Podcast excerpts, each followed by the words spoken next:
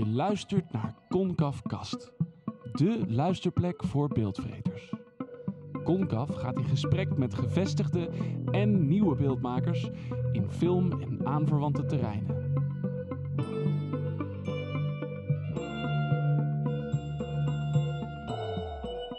Hallo, mijn naam is Kevin Thoma, filmjournalist en vanaf nu ook podcastmaker. Hoe zou het met Jiska Rikkels zijn? Die vraag spookte de laatste tijd regelmatig door mijn hoofd. Niet gek wanneer je iemand beschouwt als een van de beste documentairemakers van Nederland en dan toch een hele tijd geen films van haar voorbij ziet komen. In 2006 debuteerde ze met Four Elements, een zinnenprikkelend essay over de worsteling tussen mens en natuur. Een film die ik zelf typisch Rikkels vind: een verhaal uitwerken in beelden in plaats van dialogen, de personages dicht op de huid zittend. Eerder filmpoëzie dan filmproza, zou ik zeggen. Na Four Elements volgde in 2009 Babaji, een Indian love story over een rouwende Indiase natuurgenezer. En in 2011 verscheen El Sonido del Bandoneon, Rikkels liefdesverklaring aan de Argentijnse accordeon, al mag je dat instrument volgens haar niet zo noemen. En toen werd het stiller rond Rikkels. Verschillende projecten stranden. Haar laatste film, In Procedure, kreeg geen landelijke bioscooprelease, maar draaide alleen op televisie en her en der in de filmtheaters tijdens eenmalige vertoningen. Niet echt wat ik me bij een belangrijk cineast als Rikkels voorstel. Dus vraag ik me af hoe het met haar gaat. En of ze alweer op een volgende documentaire broeit. En of die weer in de vertrouwde Rikkels-stijl zal zijn. Maar goed dat ik op tijd met die vragen bij haar aanklopte, bij haar huis in Overveen, vlakbij Haarlem. Wanneer ik haar spreek, staat Rikkels op het punt om naar Mongolië te vertrekken. Niet voor een eigen project, maar voor de nieuwste film van Biambasur Jindava, co-regisseur van filmhuishit The Story of the Weeping Camel. Wat gaat Rikkels in Mongolië doen? En wat ik eerst wil weten, hoe ziet het huis van een filmmaakster eruit? Ja, er zijn boeken, maar niet veel uh, dvd's of zo in de kast. We hebben boven wel een aantal mappen met uh, films liggen. Mappen? Ja, dus we hebben het niet meer zo opgereid uh, in dvd's. Je hebt ze allemaal uit de hoesjes gehaald? Ja, we hebben ze allemaal in, omdat het zoveel werd. Ja. Um, Kijk, dat is al een verschil. Een schrijver zou nooit, zou nooit de boeken uit de kaf te halen. of een e-reader of zo. Ja. Ja. Um, ja, en verder wordt ons huis ook behoorlijk gedomineerd door de twee kinderen, kan ik zeggen. Dus Hmm. daar, daar zit natuurlijk ook wel... Dus als die er niet waren, dan uh, stond hier een montagetafel? Misschien, ja. We hebben boven nog een werkruimte, maar die is, uh, dat is ook in, op dit moment een uh, behoorlijke chaos. en... Um, nou ja, ik, ik denk bij iedereen ziet het natuurlijk anders uit. Iedereen, Mhm. Maar je probeert een, een bepaalde... Ik werk veel vanuit huis. Mm -hmm. Dus ik probeer wel een bepaalde rust te creëren vaak. Um, en een bepaalde sfeer waarin ik me prettig voel, zodat ik mijn hoofd vrij heb voor, Mhm. uh, voor mijn creatieve werk, zeg maar. Dus, dat, alles, uh, alles balt zich dan samen in die werkruimte? Ja, ja. En Dus wat, daar- wat, wat heb je daar dan aan apparatuur staan dan? Of? Ik heb niet zo heel veel apparatuur eigenlijk. Ehm, ik werk veel ehm, ehm, nu met het laatste project waar ik aan, mee aan het werken ben, hè, met uh, film in Mongolië. Daar ben ik eh, samen met de regisseuse Bian Bassour en David ben ik aan het schrijven. Hoe heet zij? Want ik krijg die naam. Ik, ik laat het uitspreken van die naam de hele tijd aan jou horen. Bian, Bian Bassour en Dava. Oké. Ehm, Jij kent die al lang. Ja, die ken ik eh, van de Filmacademie in München. Ehm, en zij heeft destijds, het eerste contact was eigenlijk, wij woonden beide in een studentenhuis in München, waar veel filmmakers ook uh, van de Filmacademie waren. En ik was daar als uitwisselingsstudent. Um, en toen kwam zij met de vraag of ik geluid kon doen voor haar uh, tweedejaars of eerstejaars oefening, Mhm. mm -hmm. zwart-wit oefening. Um, en dat ging over een uh, slangenmeisje die zo heel elastisch met haar lichaam uh, bewoog. En mijn eerste reactie was van, oh stop, ik, ik, ik ben geen uh, geluidsvrouw. En binnen de Filmacademie in Amsterdam waren daar heel duidelijke afgebakende richtingen. Hè? En dan je deed regie of je deed geluid of je deed camera of productie. En, maar daar was niet zoveel dat je daartussen kon switchen. En in München was het veel meer dat je eigenlijk ook, nou ja, als je camera deed, ook geluid probeerde te doen. Je moest alles een beetje leren. Um, en Biamba die sprak toen het vertrouwen uit dat ik de geluid zou kunnen doen. Van, ik heb niemand anders, alsjeblieft, help me. En dat hebben we toen gedaan. En daar is een eerste samenwerking en vriendschap uit ontstaan. En later zijn we toen voor de Story of the Weeping Camel ook samen naar Mongolië Dat geweest. is haar de debuutfilm Ja. geweest. Ja, en dat was haar derdejaarsfilm, meen ik. En van de regisseur was het zijn, eh, de andere regisseur, co-regisseur, ehm, Luigi Valorni, was het zijn ehm, eindexamenfilm. Ja. Een grote filmhuis het. Ja, ja, ja, ja. Die, heeft, eh, die was genomineerd voor een Oscar. Ehm, die is volgens mij naar meer dan 26 landen verkocht. Die heeft eh, meer dan twee jaar in Rialto gedraaid. Eh, dus dat was echt een enorm eh, succesvolle documentaire. Maar wat had dat nou met jouw werkruimte te maken? Ja, Want dat weet ik ook niet. Ik dwaal af en toe af ja, dat, ik, dat ik niet zo heel veel apparatuur heb. Oh, en dat ik nu vooral aan het schrijven ben geweest voor die film eh, Ah, met Oh, ja. haar. Hè? Oh, dus zij is nu bezig met een nieuw, eh, nieuw project. Het is wel een titel eigenlijk. Ehm Adem der Welt, dus eh The Veins of the Earth, maar dat is een eh, werktitel. Dat is Mhm. niet de uiteindelijke titel. En het gaat eigenlijk over de, ehm, hoe zeg je dat, de hebzucht van de mens en de uitbuiting van de aarde. En ehm, in Mongolië, wat ook bij de andere films van eh Bian Basuren te zien is, is dat het ehm, heel erg gaat over de verbinding met de natuur, over de nomadenbestaan, die eigenlijk ehm, weinig schade aanrichten aan de plek waar ze leven. Hè? Die is heel erg in samenklank met de natuur leven. En deze film gaat, is een fictiefilm, die gaat over een nomadenfamilie die eigenlijk in hun bestaan als nomaden bedreigd worden door de komst van de mijnbouw, de goudmijnen in dat gebied. En er is een enorme, zijn grote internationale bedrijven, ehm, ook veel uit Canada, die daar eh, de aarde leeg trekken, zeg maar. Ehm, en het verhaal gaat dus over een familie die zich daartegen probeert te verweren. De vader die heel ach- actief eh, in de nomadenraad daartegen optreedt. Ehm, en zijn zoon van 12 die dat ook eh, meekrijgt allemaal. En uiteindelijk verongelukt de vader en komt de familie alleen te staan, zeg maar. En, eh, Heb je nou, dat- heb je nou het einde verklapt? Nee hoor, nee. maar het is een, een coming-of-age eh, story eigenlijk over de zoon, over die... 12-jarige. Die staat centraal. Ja, die staat centraal. En, eh, En, en jij, hebt, jij hebt het scenario geschreven. ik heb meegeschreven. Ja, zij, Biamba heeft... ehm, daarvoor had ze met twee scenaristen gewerkt. En daar was toen ook financiering uit voortgekomen uit één scenario. Ehm, dat is nog een keer herschreven met een andere scenarist. En uiteindelijk eh, kwam de vraag aan mij, omdat Biamba niet meer echt een verbinding voelde met beide scenario's niet, of ik haar kon helpen, omdat ze mij ook vertrouwt als vriendin. Ehm, om te kijken, is er een combinatie van die twee scenario's mogelijk? En toen heb ik, eh, heb ik daaraan toegestemd. In oktober was het vorig jaar. Ehm, en toen ik in Berlijn was, waar zij nu woont, was het eigenlijk vrij snel dat ze zei: Nee, die twee scenario's vergeet ze, we gaan opnieuw beginnen. Eh, en dat hebben we gedaan. Dus we hebben, er lag natuurlijk al een hele solide basis ergens, maar we hebben het hele verhaal opnieuw opgebouwd. En ehm, heel veel verhaallijnen ook die anders zijn ge- geworden. En, ja, dus dat is, eh, was een soort pingpong eigenlijk ehm, via Skype, dat we met elkaar eh, belden. En ehm, wat heel goed werkte. We dachten eerst van we moeten bij elkaar zitten en samen eraan werken, maar dat is helemaal niet nodig. Dus het, het ging heel prima via FaceTime of via Skype dat we dan eh, met elkaar belden en het doorspraken. Wat ga je nou eh, nu de komende weken precies doen in Mongolië? We, gaan, ehm, we vliegen naar Ulaanbaatar, naar de hoofdstad. En dan van daaruit gaan we naar het zuiden, eh, richting ehm, de woestijn, de Gobi-woestijn.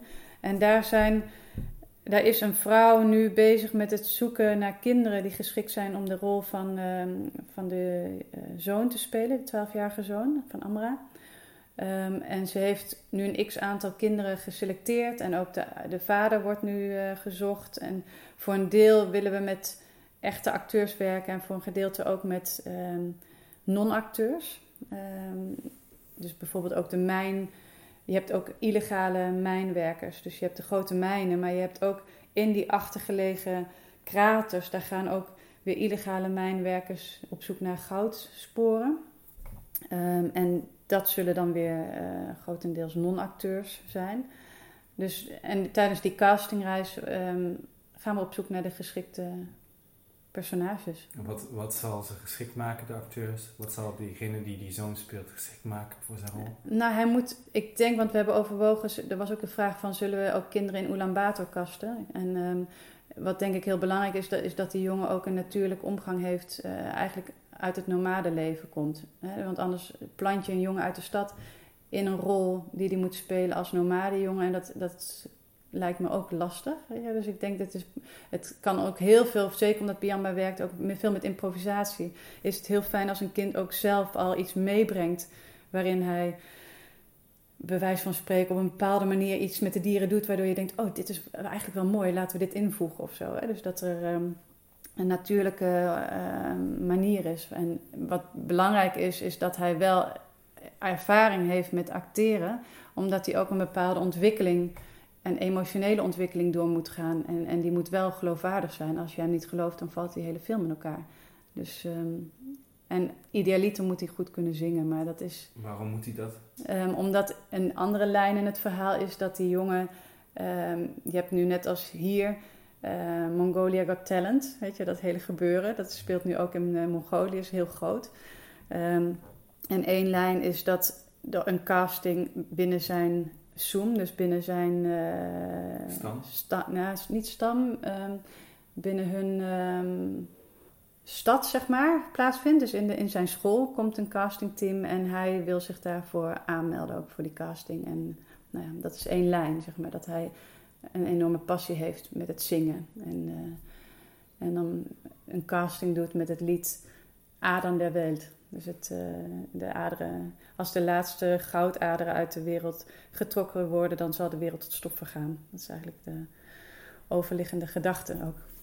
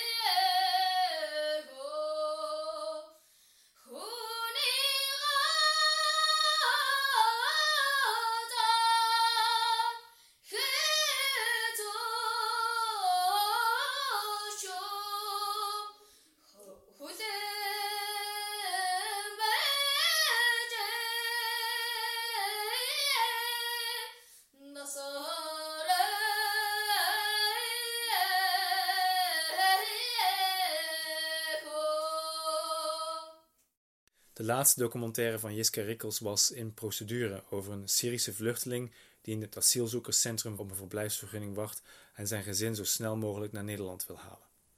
Dat is uitermate belangrijk voor zijn dochter Yumna, die ernstig ziek is.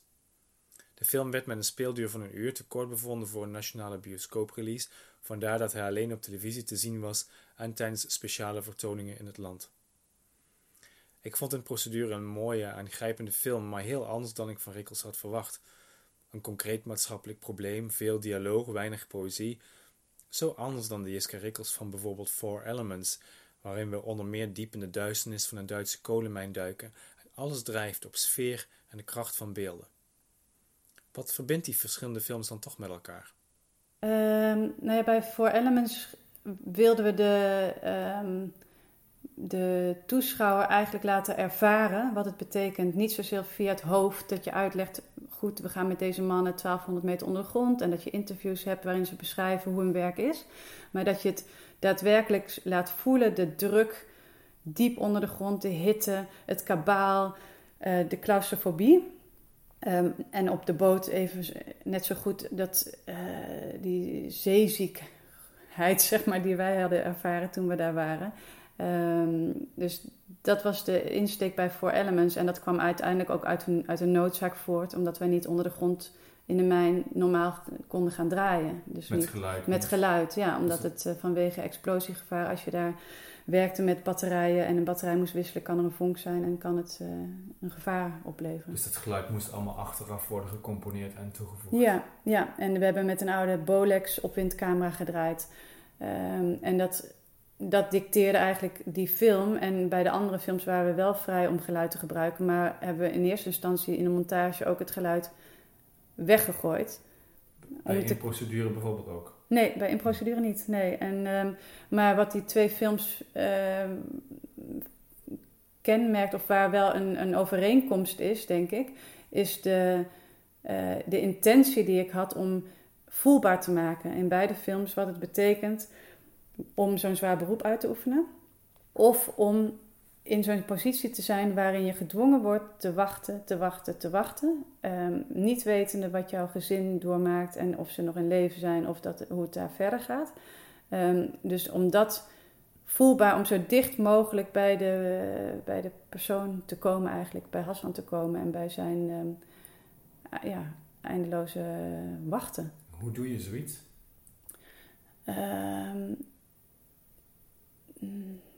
Nou ja, naast de filmische middelen die je inzet door ehm, ehm, in geluid bepaalde lagen toe te voegen of geluiden weg te laten. Um, veel klappende deuren en uh, veel dichtslaande deuren ja, op in, in procedure. Ja, en, en het tikken van zo'n radiator die je hoort. het eigenlijk ook de keuze te maken om hem ook veel in zijn eigen kamer te laten zien. Hè? Je dus ziet hem heel veel in close-up zo met het licht van zijn smartphone ja. als enige lichtbron. Ja, en, en ook de, de, isolatie eigenlijk uh, voelbaar maken. Um, maar op uh, zeg maar draai uh, vlak, zeg maar, um, heeft het heel erg te maken met de tijd ook die je met iemand doorbrengt. Dus om het om dichtbij te kunnen komen. En ook dat hij ons al die audioberichten gaf. Hij gaf ons ook heel veel audioberichten van de tijd dat hij in Turkije zat. En een paar keer die oversteek heeft geprobeerd te maken. En ook mensen heeft zien verdrinken. En die berichten, die stuurde hij naar Fadia, naar zijn vrouw. Um, maar die heeft hij uiteindelijk ons ook allemaal gegeven. En dat is natuurlijk, dat, nou, dat is ook een, een vertrouwenskwestie. En daarvoor heb je tijd nodig. En vaak um, met de budgetten die er nu zijn, is de tijd ook heel erg begrensd. Hè? En heb je vaak eh, te maken met korte draaiperiodes en korte montageperiodes. En dat maakt het heel lastig. Um, en dat was bij deze film ook het geval. Maar we hebben gewoon ook als team gezegd, we, we willen dit doen. Dus er is ook heel veel vanuit het team en vanuit mij geïnvesteerd in die film om het mogelijk te maken. Om toch die tijd te creëren, zeg maar, dat je met iemand bent. En naast dat je uh, daar dan regelmatig met de camera bent, was ik daar ook heel vaak zonder camera. Dus op het moment dat Hassan een bericht stuurde dat het niet goed ging en uh, hij zich enorme zorgen maakte, of uh, niet gewoon ook down was, depressief. Um, hij zat in Geelze, in, in dat voormalige militaire terrein. En dan sprong ik in de auto en dan reed ik daarheen en dan gingen we wandelen en probeerden we een beetje met Google Translate met elkaar te communiceren. Want ja, ik spreek geen Arabisch en hij geen Engels. Um, maar alleen al het feit dat je er dan even bent en dat je uh, ja, laat zien, ik, ik steun je of zo. Uh, ja, dat, uh, dat kan al heel veel helpen ook. Dat komt dan ook heel dichtbij. Hè? Dus um, ik sliep op een gegeven moment ook niet meer. En ik was ook constant bezig met kijken, waren ze online? En dan las ik dat er een grote aanval was in Hama. En dan, uh, dit, dit, was wel, dit was wel heel uitputtend. Dat was het ook. En dat ik merkte van, goh, um, ik zat tegen een, tegen een overspannenheid aan naar die film. Want je hebt dan die film afgerond, maar dan begint nog de hele publiciteitsmachine erachteraan. Hè? Dus je hebt, we hadden ook nog, we wilden niet alleen een film maken die dan op televisie te zien zou zijn en waar dan een, een aantal mensen naar zouden kijken. Maar die ook iets kon betekenen voor degene die dus, waar de film over ging. Dus wat we hebben gedaan is, um, Willemijn Cerruti, die heeft dat opgezet, de producenten, um, match events. Dus waarbij de film werd vertoond in een uh, x aantal bioscopen, en filmhuizen, maar ook in buurtcentra, in een kerk zelfs, uh, um, in een klooster. En daar werden dan in het publiek kon je aanmelden als publiek voor een taalma om taalmaatje te worden. Uh, dus om, om uh, nieuwkomers te begeleiden in de Nederlandse taal of überhaupt in de, in de stad, waar dat dan in Geldermalsen bijvoorbeeld of in uh, Rotterdam. Um, en de statushouders die werden uitgenodigd um, en die konden zich dan ook weer aanmelden. En, en er werd eigenlijk een, ja, een meeting georganiseerd tijdens die vertoningen. En met Syrische hapjes. Dus een, in een soort van ongedwongen sfeer. Dat mensen elkaar konden ontmoeten en dat die verbinding kon ontstaan. En daar zijn ook hele leuke contacten uit ontstaan tussen mensen. En, uh, maar dan ben je wel echt wel best wel ver weg van het filmmaken. Ja, dat is gewoon een, een, een, uh, de uitwerking die je dan hoopt dat zo'n film als katalysator eigenlijk kan dienen, ook voor actie. En voor dat mensen daarin. Uh, ook door het zien van die documentaire misschien eh, eerder geneigd zijn om op iemand af te stappen. Die dan daar aanwezig is in de foyer ook. En, eh, dus dat het niet meer zo, zo'n grote barrière is. want in Geelze, waar Hassan zat, dus op dat militair terrein, daar daar moet je nog een enorme drempel over, wil je daar naartoe gaan. En wil je um, met kleding of met initiatief om taalmaat op te zetten, daar kom je niet zo makkelijk binnen.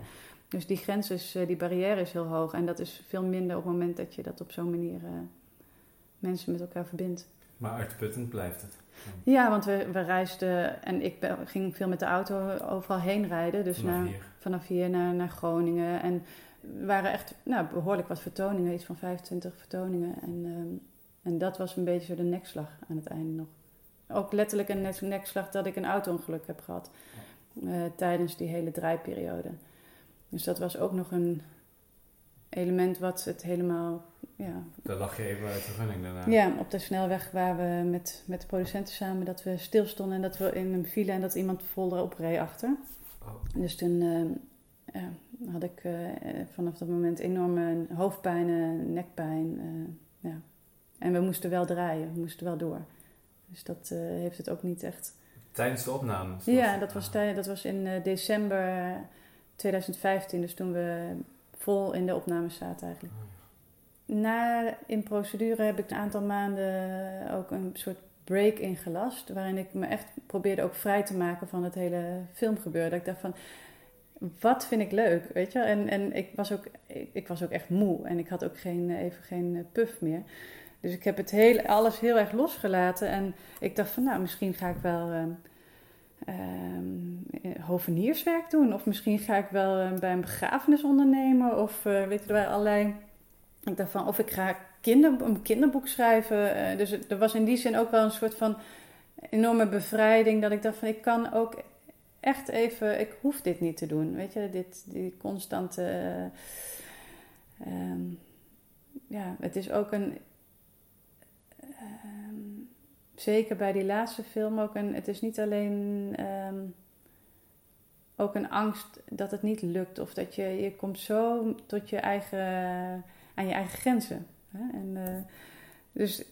En dat heb ik in een paar maanden heb ik dat inderdaad helemaal losgelaten. Waardoor er daarna heel veel ideeën juist toen ik dacht van nou, toen werd ik benaderd voor de film in Mongolië.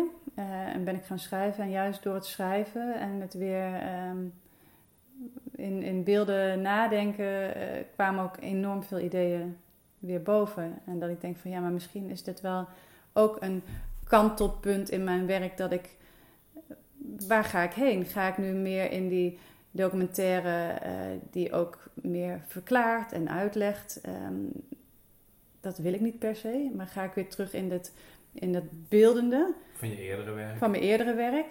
Dat heb ik voor mijn gevoel, dat is ook gewoon weer hetzelfde. Van dezelfde. Dus in die zin, um, ja, denk ik dat het toch wel, dat er wel een kantelpunt is op dit moment. Um, en waar ik heen ga, weet ik nog niet exact. Maar... Nou, je weet dat je naar Mongolië gaat. Ja, dat, dat, dat wel. is één ding.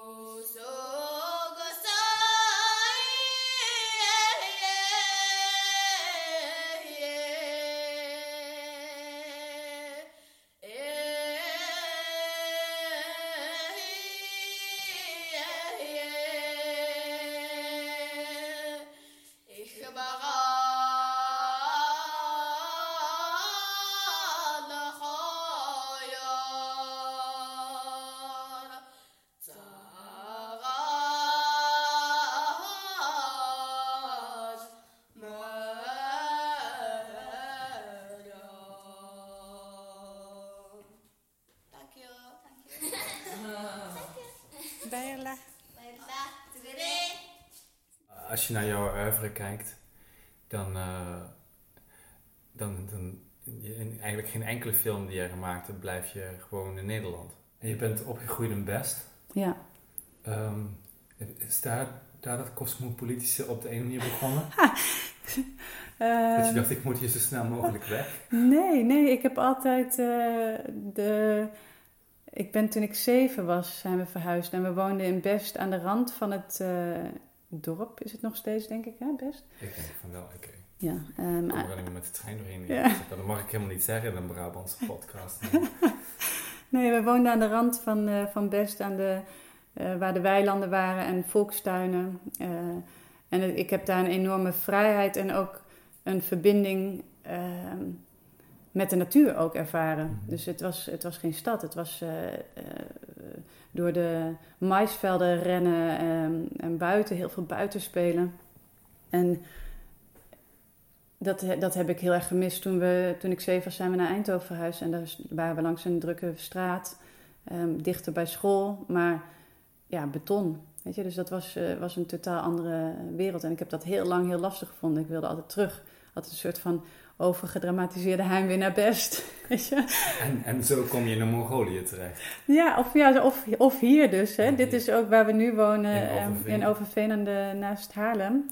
Um, dat is een plek die ook dicht bij de natuur is. Dus we, we, fietsen in vijf minuten zijn we in de duinen en we zijn met de kinderen bijna dagelijks in de duinen. Omdat ik het ook ja, belangrijk vind dat ze veel zien en ook een bepaald ook bewust zijn van hoe de natuur zich verandert. Dus ik wijs ze daar ook op. Ik ben ook veel met de kinderen bij ons in de tuin en dan, dan laat ik ze zien hoe de knopjes weer aan de boom of de appelboom hebben geplant, zodat ze kunnen zien, hé, hey, er groeit een appel aan. En dan in de herfst hebben we geoogst de twintig appels die er waren. En daar hebben we een appeltaart mee gebakken met de buurkinderen. Weet je, dus zo um, denk ik dat het...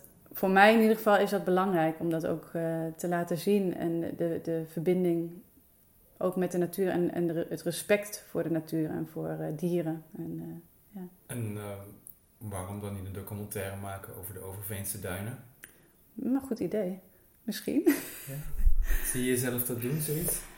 Het zou een hele ehm, verrassing zijn na alle exotische locaties waar je geweest bent. Ja, ja, ik weet het niet of ik me dat zou zien doen. Ik ben op dit moment ook wel in een, bij, op een punt um, dat ik sowieso heel erg aan het, um, aan nadenken ben naar die laatste film welke richting ik op wil. Wil ik weer door binnen de documentaire? Wil ik die richting volgen? En welke, welk pad dan? Weet je, ga ik dan weer naar het hele visuele? Um, of wat, wat ik ook spannend vind, is toch meer de fictiekant onderzoeken. De fictievertellingen en het zelf schrijven. Ik, had, ik heb heel veel plezier ook gehad aan het eh, schrijven, meeschrijven aan het scenario van deze film in Mongolië. Um, dus het, het opent ook wel weer andere deuren of zo. En, uh, ja. Dat hele idee van ik verzin iets en ga vervolgens kijken hoe dicht de werkelijkheid erbij in de buurt komt. Dat is ja. bij documentaire maken toch een heel andere, ja. ander verhaal. Ja, ja. ja en dat, dat vind ik ook het spannende eraan. En vooral ook dat ik nu de mogelijkheid heb, ook omdat ik um, mee kon schrijven en als regieassistent mee, dat je het hele traject ook volgt. Hè? Dus dat je van begin, van de eerste ideeën, tot draaien tot ik zal ook naar de montage gaan. Ehm, dat je daar dat hele traject één keer helemaal doorloopt. En um, ja, misschien dat ook weer bepaalde inzichten geeft en ideeën voor, voor een volgende film voor mezelf, een fictiefilm. Ja, want Ah, dat zeg je het eigenlijk. Een volgende film van mezelf. En dan zeg je er heel zachtjes achteraan. wellicht. Fictie. Oh, wellicht. Zei je wellicht? Misschien, dat hoorde ik niet. Volgens mij zei je geen wellicht. Even terugspoelen. een fictiefilm, zei je. Daar, dat uh, ja. ben benieuwd. Want dat was eigenlijk ook een vraag die ik dan had. Van ja, uh, in procedure is, is, al, is nu een paar jaar geleden. Mm. En nu, deze film maak je eigenlijk in, min of meer in dienst van iemand anders. Ja. De, wanneer komt er weer een e-, echte echte rikkels? Ja, dat is een goede vraag. Um, als de tijd er rijp voor is, denk ik. Als, um, ja, als de.